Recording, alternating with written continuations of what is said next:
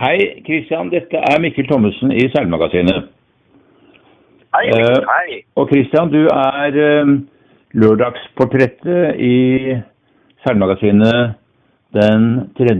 august. Um, og jeg snakker altså da med Christian von Trepka, som for øyeblikket befinner seg i Spania, i, eh, på eh, Mallorca er det vel, hvor du seiler Copa del Rey. Eh, Det stemmer. Og eh, der seiler du med din Alcap, din eh, GP52, som, eller GP42, unnskyld, som du nå har hatt i snart ti år. En eh, gammel dame er hun i det selskapet. Eh, Ja. Det prosjektet ditt er veldig spesielt. Du er jo egentlig vokst opp i Corinacci-skøyte, og eh, det var jo det du begynte med å seile sammen med dine foreldre, Knut von Trepka og Gunn, som hadde. Eh, Det var jo den første av skøytene eh, som din far fremdeles disponerer, og som er jo liksom den hovedredningsskøyta, kan du si, da, i den Corinacci-serien. Eh, Så det er din bakgrunn, Ja. egentlig. Eh, Hva, hvordan endte det opp med en super regattabåt som dette? Ja.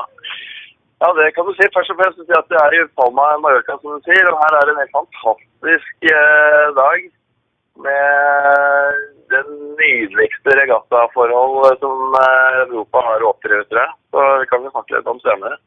Men eh, når det gjelder akkurat bakgrunnen, så er jo helt riktig som du sier, at uh, helt fra jeg var født, så har moren og faren min, Gunn og Knut, vært uh, veldig, veldig opptatt av seiling. De kommer fra et sånt Oslo-jolle-miljø i Bunnfjorden. Og så vokste jeg opp da om bord i først med Apollo og så Færder, som losskøyte, og så med RS1 Polinaci, som fatter og mutter overtok ansvaret for i 1973. Og så holdt jeg på med det i mange år, og så ble det jo på på 80-tallet hvor vi begynte å seile en del regatta, det var egentlig da det begynte å bli regatta i meg, selv om det var med redningsskøyter, så seilte vi jo da eh, ja, det kan ha vært en 10-12 eh, somre med Cutter Sark 12 Shift Race, som det het den gangen, som nå nylig var i Fredrikstad. Eh, og og det, den har vi jo vunnet over all tre ganger, og det gjør man jo fordi man er opptatt av å seile fort. Og det, der, småtte, der ble det en sånn veldig interesse for regattaseiling, selv om det var med båter som gikk der. Så du har sett mye båter som ikke er det raskeste, du også, Mikkel, og det er akkurat like spennende. Så det, så det vekket i hvert fall uh, min interesse. Og så,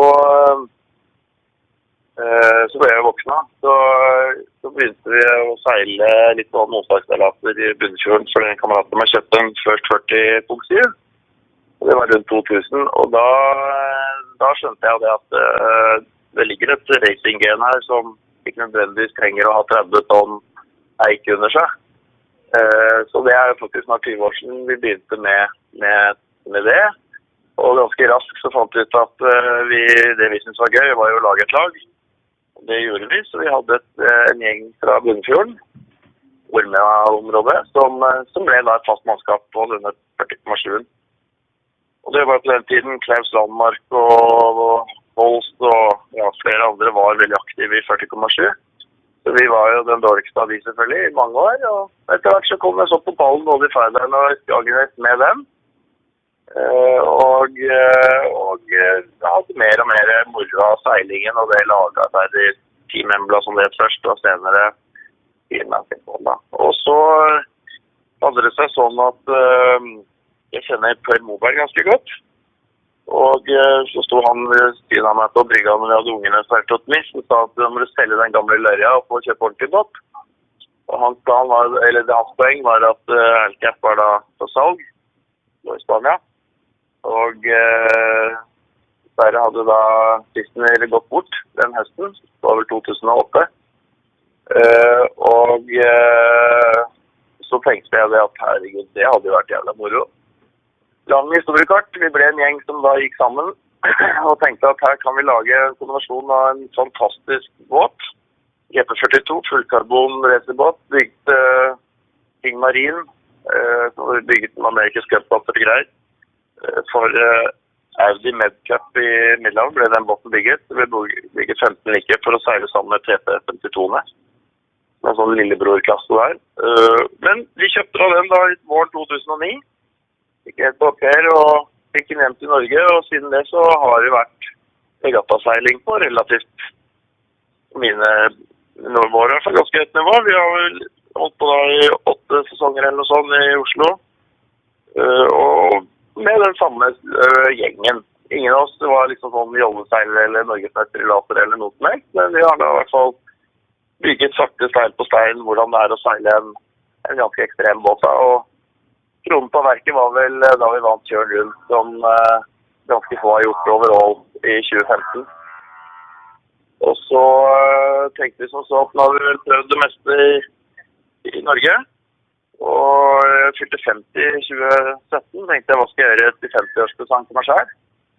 Og da fant vi ut sammen med både venner og familie og eiere osv. av båten at uh, nei, nå, vi, nå, lever vi ut drømmen og får ut fingeren. Og så avsluttet vi sesongen 16 etter VM i ORC i København. Så satte vi etter hvert båten på rett og slett på land og fraktet den til Valencia og satt den ut der. Og siden har vi hatt base her i Palma og seiler da eh, ja, syv-åtte regattaer her nede gjennom sesongen, bl.a. da Palma Vela, Copa del Rey, Walls Antropé. En del mindre kubregattaer. Eh, og det er flyt med øynene-opplevelser hver eneste gang. Men dette eh, prosjektet er jo veldig spesielt fordi at uh, så jeg skjønner det er et aksjeselskap som eier båten, og det selskapet består da av uh, venner. Og, og, du mm. finansierer dette ved å leie ut plasser til hver regatta, stemmer ikke det?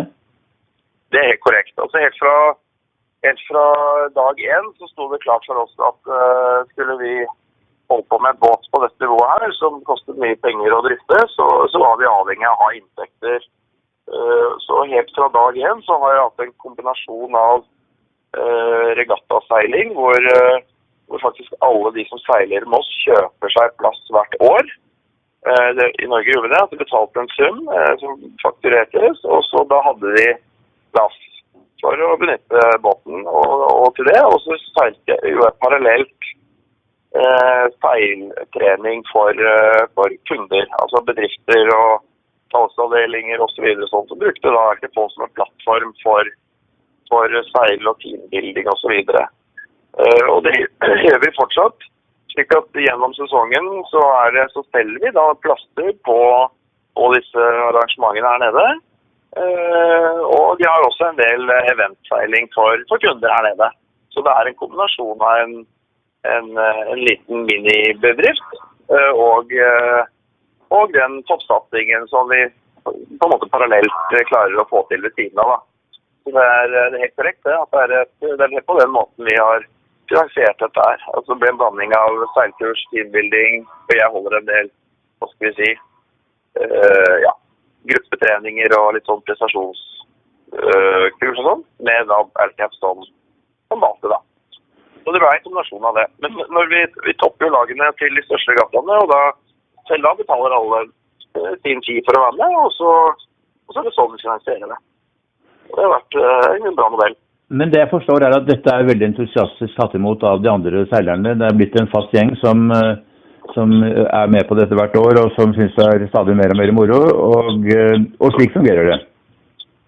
Ja, eh, bank i bordet så har jeg hatt gode venner og andre som har hengt seg på. Og, og tenker som så at hvor mange ganger har jeg mulighet til å seile på en skikkelig båt i de områdene her nede? Uh, og det er ikke så lett. Det er veldig veldig dyrt å slakre båter her nede for f.eks. For, for Coppa eller hvis du skal over til Karibien, Antigua og sånn. Det koster mange mange hundre tusen bare å slakre båten, og så kommer alt annet i tillegg. Så, så, i og med at vi da får såpass mange helger og uker her nede, så, så klarer vi på en måte å lage en prismodell som, som en del klarer å trekke seg til, og, og se på det som en sånn eh, once in a lifetime-mulighet til å få seilt. Altså, det, det, er jo ikke moro når du ligger ved siden av Terry Hutchinson på den ene siden og er i fotballmøte med Gavin Brady dagen etter, liksom. Og det er jo det, er, det, blir ikke så mange sånne sommer i livet, men det blir nå. Og det har vi klart å fylle opp med. Med de inntektene som du da har, så er det tilstrekkelig til å drive båten eh, med nye seil og utstyr oppdatert?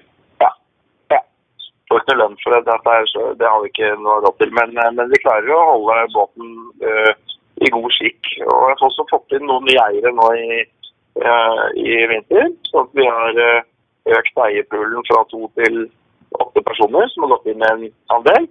Som har gjort at vi har fått litt mer kapital i selskapet til å oppgradere en del som vi har gjort i år. Nye seil og ja, vi har rett og slett gjort en liten upgrade av båten. og Vi har gått over til uh, doble akterstag og square opp steil. og ja, Nå ligner vi mer på Fast 40 pluss-serien med i, i, uh, i Kaos, da, som på en måte har tatt 40-kvoterne et skritt videre. Og det har vi akkurat seilt uh, første dagen i Koppa, og de båtene vi har slitt med tidligere her nede, som har gjort disse oppgraderingene, de er vi nå head to head på. Og skroget er fantastisk, så det er, det er oss det står. I går så hadde vi båtfart og høyde som aldri har sett før, så det har vært veldig, veldig mye. Resultatmessig er jo krevende å høre seg her nede. Vi seiler jo mot 80% proffer, og de trener hele året. Og vi kommer liksom, kom med på fredag og seiler koppa på lørdag. liksom. Det blir jo en litt sånn lærekurve i regattauken her nede. Men vi har en annen tredjeplass i Palma Vela og en seier i en klubbregatta her nede, så helt borte har vi ikke vært. Denne båten den er tegnet av Botin Karkik, og Sean Karkik han holder vel til der nede. og så vidt jeg vet nærmest i kontorfellesskap med, med Siggy Mannsåker, som du også samarbeidet med. Har Karkik vært med på å oppgradere båten din? Det har han. Eh, to år om Siggy, altså Siggy eller Sigve Mannsåker, han bor jo her nede.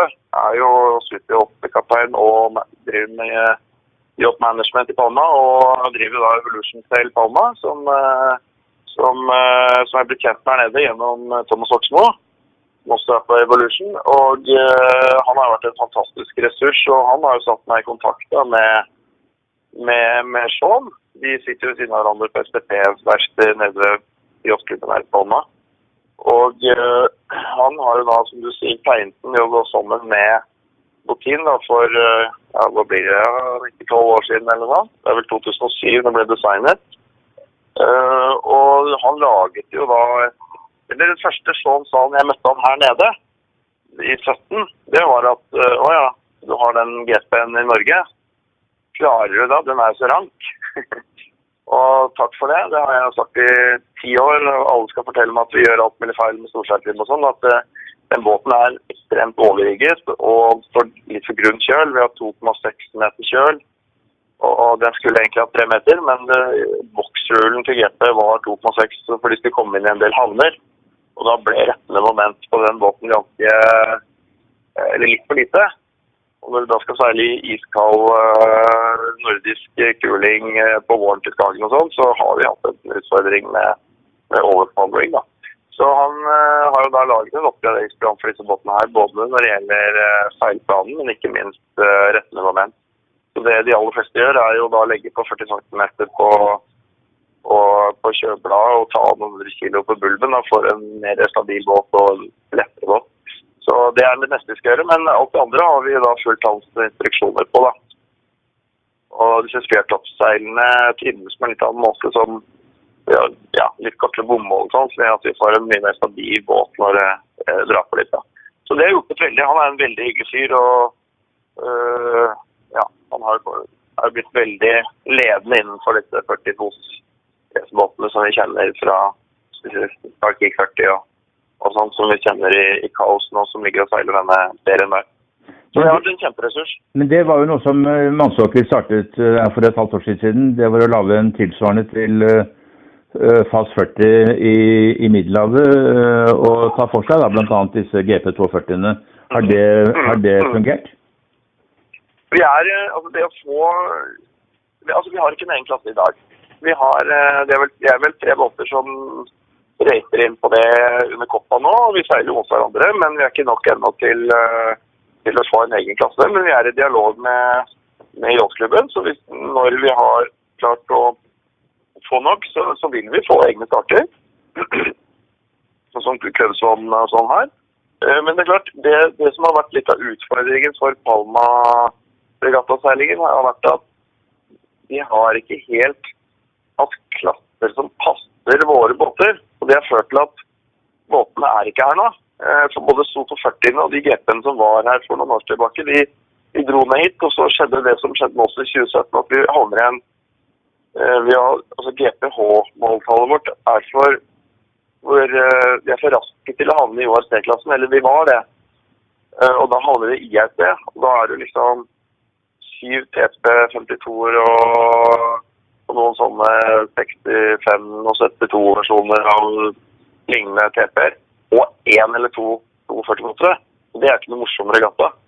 Så Derfor har det vært en del GP-er og soter som har vært med én og to ganger, så har de ikke giddet å være med igjen, fordi klassene passer ikke. Men i år så kjører vi to ORC på hele linja, så nå er klassesystemet mye mer egnet for å tiltrekke seg våre båter.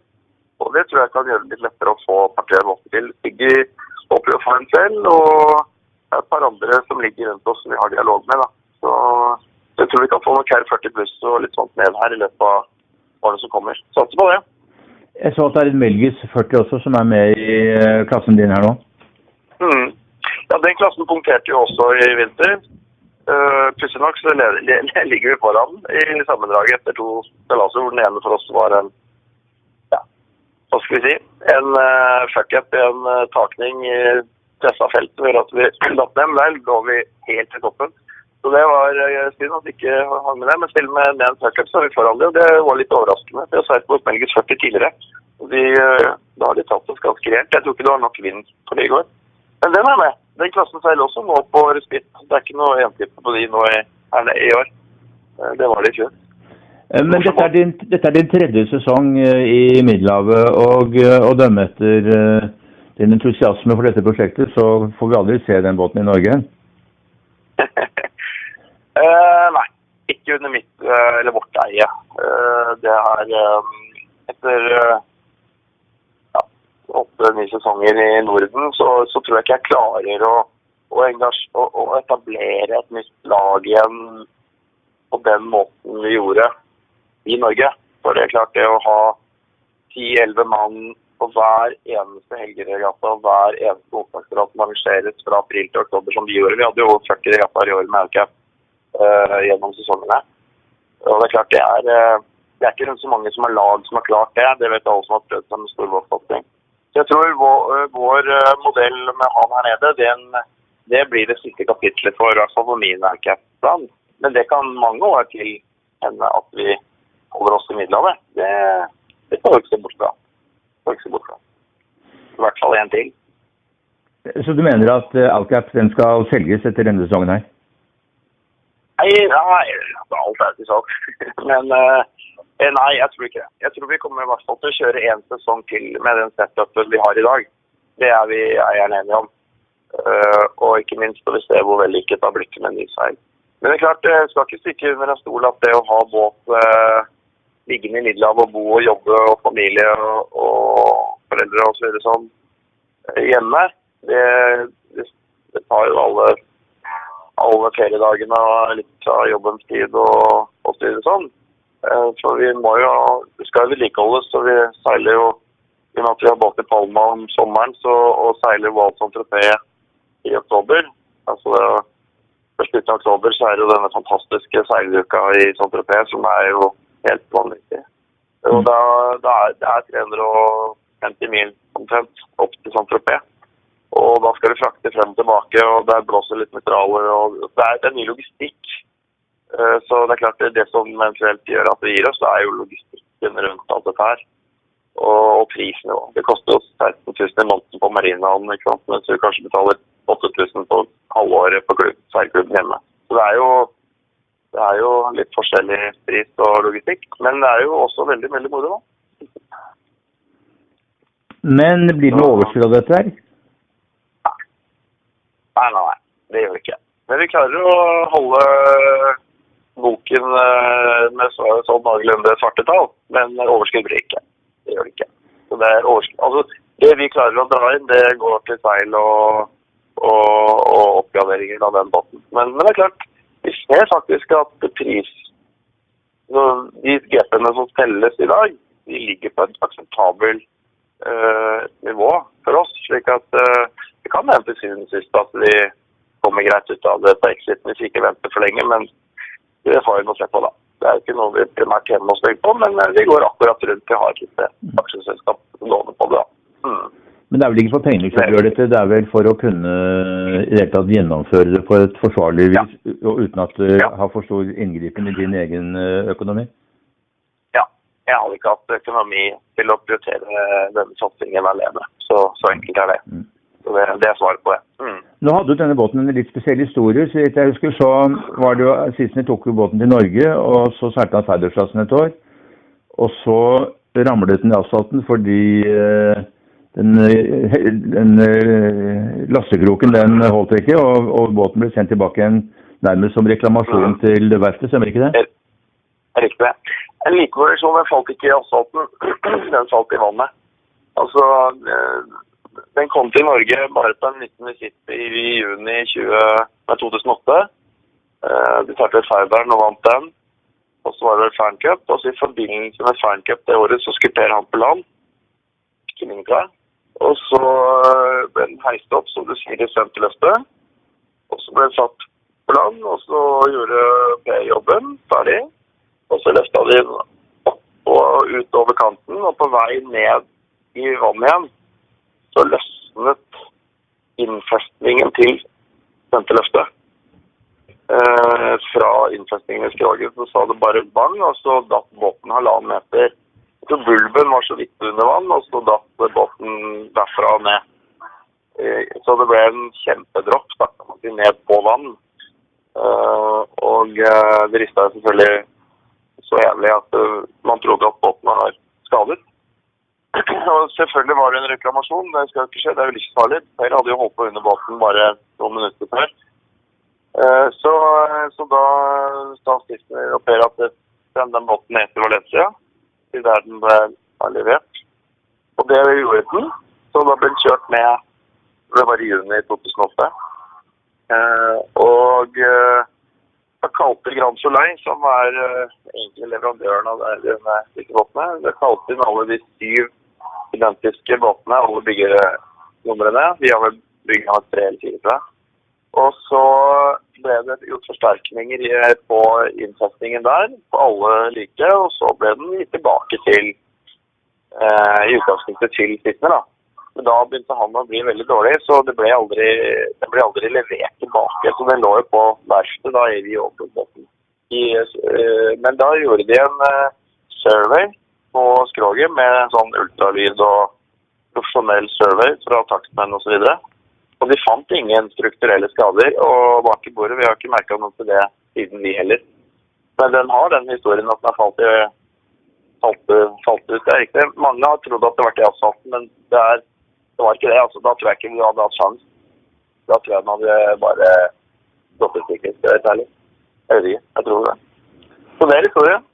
Men i hvert fall, dere har hatt denne båten nå i ti-tolv år, og eh, det har vært et veldig vellykket eh, prosjekt. Eh, Har det vært snakk om eh, Har andre norske seilere kommet til deg og villet eh, lære om ditt prosjekt, for eventuelt å gjøre det samme? Ehm, Nei, ikke akkurat som man det det er jo veldig mange som har kommet til meg og har lyst til å seile med oss. Og det er jo det som har vært hele nøkkelen på prosjektets eksistens. At det har vært mange som har kommet for å seile med oss. Det er nok ikke så mange som har liksom satt seg inn i det vi har snakket om nå, hvordan vi har måte, finansiert dette her eh, på samme måte. Og ikke minst på en måte trent opp et et, et mediumlag hvor kanskje to-tre av de ikke engang hadde seilt før. liksom. Den, den er ikke så mange som har prøvd å kopiere, tror jeg.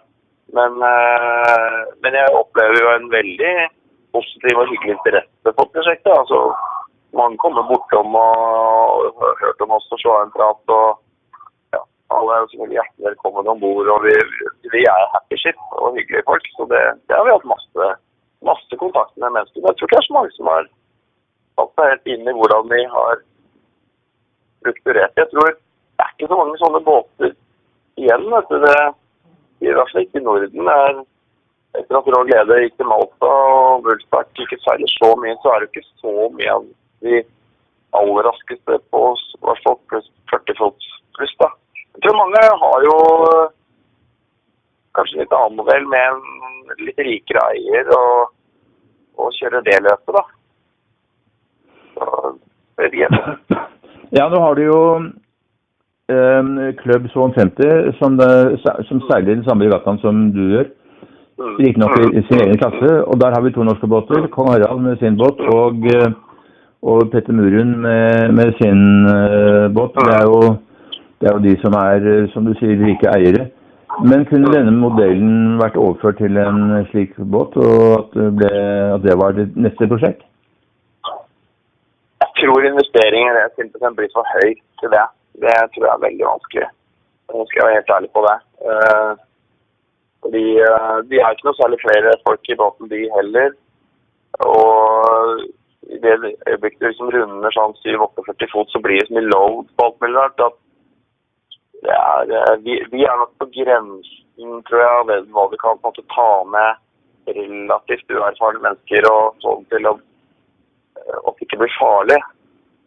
vi, vi har fortsatt muligheten til å ikke ha riktig lov på et av rømmerne litt på krysset, liksom. En annen båt vil kan ting bli litt farlig, rett og slett. Jeg, jeg, tror ikke det er så lett. Jeg tror, jeg tror da må du ha en sponsor inne i bildet. Altså en, en, en mer sånn da, da, måtte nok jeg solgt inn et altså Vi hadde fått en sponsor som hadde gitt 250 350 000 år da, for å ha sånn så du har en sånn basisinntekt og så kunne du sendt noen billetter på toppen. Men jeg, ikke, jeg, jeg, tror det blir så dyrt. Altså. Det. Men tenk God for at det finnes folk som på en måte er villige til å, å, å flytte inn og kjøpe disse båtene nye. Da. For det er jo det som ofte i secondhand-markedet så er det jo muligheter. ikke sant? Det å kjøpe, kjøpe en uh, ti eller fem år gammel uh, generasjon, tre-fire EP, der tror jeg nok det har vært mulig. Eh, det, og det er det jo noen som gjør. Det er i den TP-klassen her som er en ja, det er vel, det er vel generasjonen hakket nyere enn Wolfberg, tenker jeg. Men, men, og de, de, driver mye med sånn gjesteseiling og sånn, så det er, det er mulig. Uh, men det er krevende. Det er, det er, dyrt. Det er vel det det handler om. Mm. Mm. Men for å konkludere, når det gjelder akkurat dette prosjektet, så, så, er det dyrt, som du sier. Men du har klart å finne en måte å gjøre det på som uh, som gjør det mulig for vanlige mennesker å ha en båt eh, i Middelhavet og være med i disse regattaene. Og, og um, ikke minst uh, har du klart å få til et happy ship med entusiastiske seilere. Hvem er det som er med og seiler med deg nå? Ja, øh, vi har jo et lag denne gangen som, som, har sitt utgangspunkt i egentlig Thomas Hoksen og jeg, Evolution Norge, da, og jeg, vi har på en måte kalt sammen en del av de eh, som vi har i, i, vår gjeng. Så det er da norske seilere. Og, og, noen av de er fra den eh, gjengen min. Så, men det er en sånn vennegjeng rundt eh, Stigge og Thomas og meg da, som, uh, som, er med. Så vi har ikke seilt sammen før, men, eh, men vi har en bra gjeng som som, som er kanskje en av de bedre timene jeg har hatt der. Så bare få seilt oss litt inn så, så, skal vi få til det her. Mm. Det høres veldig bra ut. Før jeg avslutter, så vil jeg jo bare nevne at du var jo også gikk i bresjen for denne gaven til eh, kong Harald i forbindelse med hans ja. 80-årsdag og eh, VM for 8 meter på Hanke. I, I, forbindelse med det så ble det opprettet et eh, stipend. Hvordan eh, falt det ut? Ja.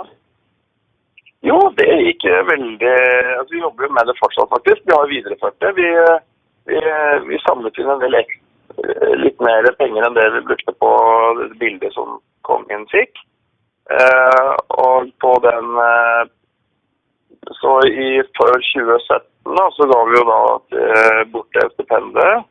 Eh, på da var det vel 25 000 vi ga bort. Eh, og eh, på Mesterens Søster det året. Og nå i fjor så samlet vi inn 50 000 til. Som vi ga bort da til, eh, til, eh, til 49-jentene eh, på, på, på, på Mesternes Søster i fjor. Og i år så har vi, så prøver, har vi allerede samskjørt oss med Særforbundet. Slik at vi nå jobber sammen med de. Og vi har hatt litt sånn innsamlingsopplegg på det nå i våres. Og vår ambisjon er å fortsette dette slik at vi kan i årene som kommer gi et en ordentlig eh, et seilstipend til en lovende, dyktig seiler. Og, eh, Det var Anders Pedersen i 13, og så var det vel eh, var det 49-jentene i fjor. Og i år så er det jo mange norske seilere i både yngre og i flere klasser som gjør det godt i OL-klassen og sånn. Og det er de vi ønsker å, å hjelpe, opp, hjelpe, opp, under. Og, og, det er klart, eh, med så få inntektsmuligheter for, eh, for, de unge, seilerne, så vil jo 50 000-100 000 kroner være en, en, forskjell, for å si det sånn. Så den ambisjonen videreføres, og det er vi stolte av. Og Du var jo med og støttet oss den gangen, Mikkel, så takk for det. Veldig, veldig bra, Kristian. Da får dere ha lykke til i dagens uh, seilaser. Du sa det var nydelig vær og de beste forhold. Ja. Hvordan ser det ut? Ja, Helt fantastisk. Jeg står på terrassen og ser ned på uh, havna her nå. Det er uh, akkurat nå så blåser det et lite sånn nordatrekk, som det ofte gjør. Helt skyfritt.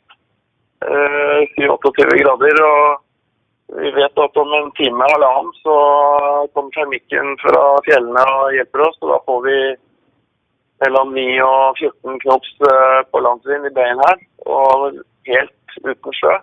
Og Den eh, blåser fram til klokka fire når vi seiler inn til Jåttund og tar en velfortjent pils i sola. Så dette har jeg tro på. Er det, blir bra. Er det to seilaser hver dag? Normalt to seilaser hver dag i seks dager på rad her i, på Koppa. Og så har de en av dagene hvor de legger inn en de kaller seg en coastal, altså en faste merker-runde på en 25 mil eller noe sånt. Det er ikke noe langdistanse, men det er en sånn litt annen setup. Da. Vi prøver å bruke én dag til det. Og vi legger oss til en 11-12 seilaser totalt, vil jeg tro. Mm. Minimum. Mm. Det, høres ut som en, det høres ut som en drøm. Nyt det og seil fort. Takk skal du ha. og Hvis noen har lyst til å være med, så får de ta kontakt på Facebook. Takk skal ja. du ha, Mikkel. Ha en fin sommer. Ja, ja fint. Hei. Mm. Ha det godt. Hei, hei.